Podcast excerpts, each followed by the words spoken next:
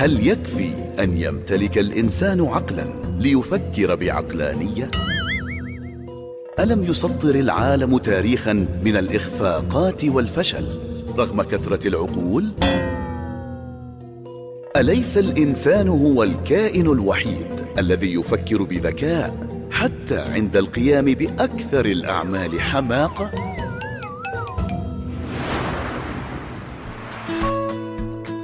في سيكولوجيا الغباء. نضيء جوانب مختلفة للظاهرة لعلنا نخفف التباسها علينا. سيكولوجيا الغباء إعداد وتقديم الدكتور فالح الرويلي. يعبر الغباء عن حالة عقلية لا يقصها علم أو دراسة وهذا ما يميزها عن الجهل البسيط لأن هناك جهلا مركبا أبطاله أشخاص دارسين وربما حاصلين على شهادات عليا.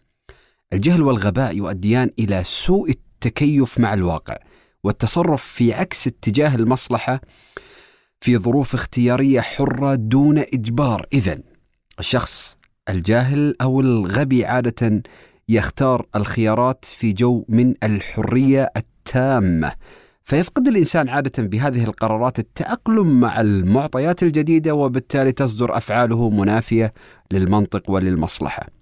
الغباء بذلك هو فقد القدرة على الربط بين الواقع الربط الصحيح للوصول إلى نتائج صحيحة. وبالتالي اتخاذ قرارات غبية تخفق في تحقيق مصلحة الفرد والمجتمع والبيئة المحيطة.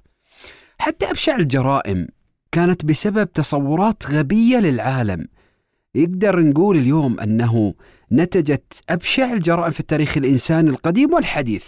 وبالذات جرائم القتل الجماعي والإبادات بسبب نوع مشوه من الأفكار المثالية لخلق عالم أفضل. أفكار مثل بناء الحضارة والقضاء على المتوحشين ونقاء العرق الآري ونشر قيم الديمقراطية إحياء الخلافة إعادة أمجاد الماضي ثارات الحسين وهكذا. نجد الكثير من الشعارات الموجودة التي نتجت عنها أبشع الجرائم كانت نتيجة تصورات غير واقعية تصورات غير حقيقية. امتلاك الإنسان لدرجات علمية معينة لا تعني الذكاء لأن الذكاء عموما أو العلم خلينا نقول سلاح ذو حدين يصلح للهدم والتدمير كما يصلح للبناء والتعمير. ما يفرق عادة هو العقلية التي تتخذ القرار. وينطبق ذلك حتى على التصورات الملتبسة للحياة والعالم بالذات حين ننظر إلى العالم من نظارة الأيديولوجيا حينما يعود أحدنا بالزمن للخلف ويتذكر عددا كبيرا من الشعارات التي كان يرددها يكتشف أن المراهقة تتجاوز عمرا فسيولوجيا إلى آخر ثقافي. محاولة الحديث في الكليات بصيغ قطعية أحيانا يدل على قلة إدراك وضيق وعي ومن هنا ننطلق في هذه السلسلة. وهذه المرحلة عادة هي مرحلة يمر بها الكثير ممن يظنون أنهم يمتلكون قدرا جيدا من الثقافة وهم ليسوا كذلك. كلما ازداد اطلاع المرء أدرك حجمه المتواضع الحقيقي وسذاجته الكبيرة. إذا الوعي وإدراك الواقع هو عكس سيكولوجيا الغباء. وخلينا نقول التالي كذلك عملية تكرار شيء لا تدل على الوعي. قراءة شيء وتكرار هذا الشيء الذي يقرأ لا يدل على امتلاك الإنسان للوعي هو أقرب لببغاء ليس أكثر. أي قراءة ما لم يتبعها عمليات تحليل وتركيب وربط وتأمل وتقييم تعتبر عملية غير مجدية. وهذه مرحلة متقدمة يصل إليها الإنسان في بناء متواصل وتشييد مترابط وانتقاء متأني لموضوعات وكذلك مؤلفين يقرأ لهم. في تقديري التواضع هو أفضل ما يتحلى به أحدنا من هذه الناحية. ليس تصنعا أو لأسباب أخلاقية بس ولكن بسبب ضآلتنا مهما بلغنا أو نظن أننا بلغنا، حتى النفس الإنسانية رغم تعقيدها إلا أنها أحيانا تكون واضحة تماما لمن حذقها لمن وعاها وأدركها. قد يكون النفي أحيانا معيارا للإثبات. كيف يعني؟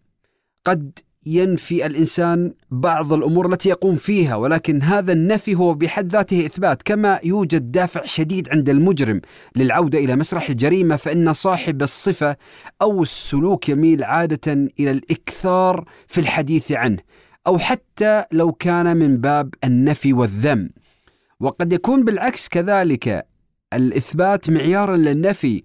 يعني هل يحتاج من يحب وطنه أن يتشدق طوال الوقت بالوطنية والوطن وأن ينصب المشانق ويمتحن الناس في وطنيتهم؟ وهل تحتاج المرأة العفيفة أن تتغنى بالشرف أو أن يتغنى العفيف بالشرف؟ إذا قد يكون الجهل بالواقع وعدم إدراكه وخوض صراعات طواحين هواء مؤشر على الحماقة والغباء البشري. وسبحان الذي جعل أول ما ينزل على نبيه في الغار. اقرأ باسم ربك الذي خلق. خلق الإنسان من علق. اقرأ وربك الأكرم الذي علم بالقلم. علم الإنسان ما لم يعلم. فجعل سبحانه أدوات المعرفة القراءة والقلم في مستهل وبداية مسار الإنسان المسلم في حياته. هذه السلسلة في سيكولوجيا الغباء ليست إلا نداء للتواضع ثم مسك الدفاتر والقلم والمضي قدما لإدراك الواقع والحياة وبناء المعرفة. سيكولوجيا الغباء إعداد وتقديم الدكتور فالح الرويلي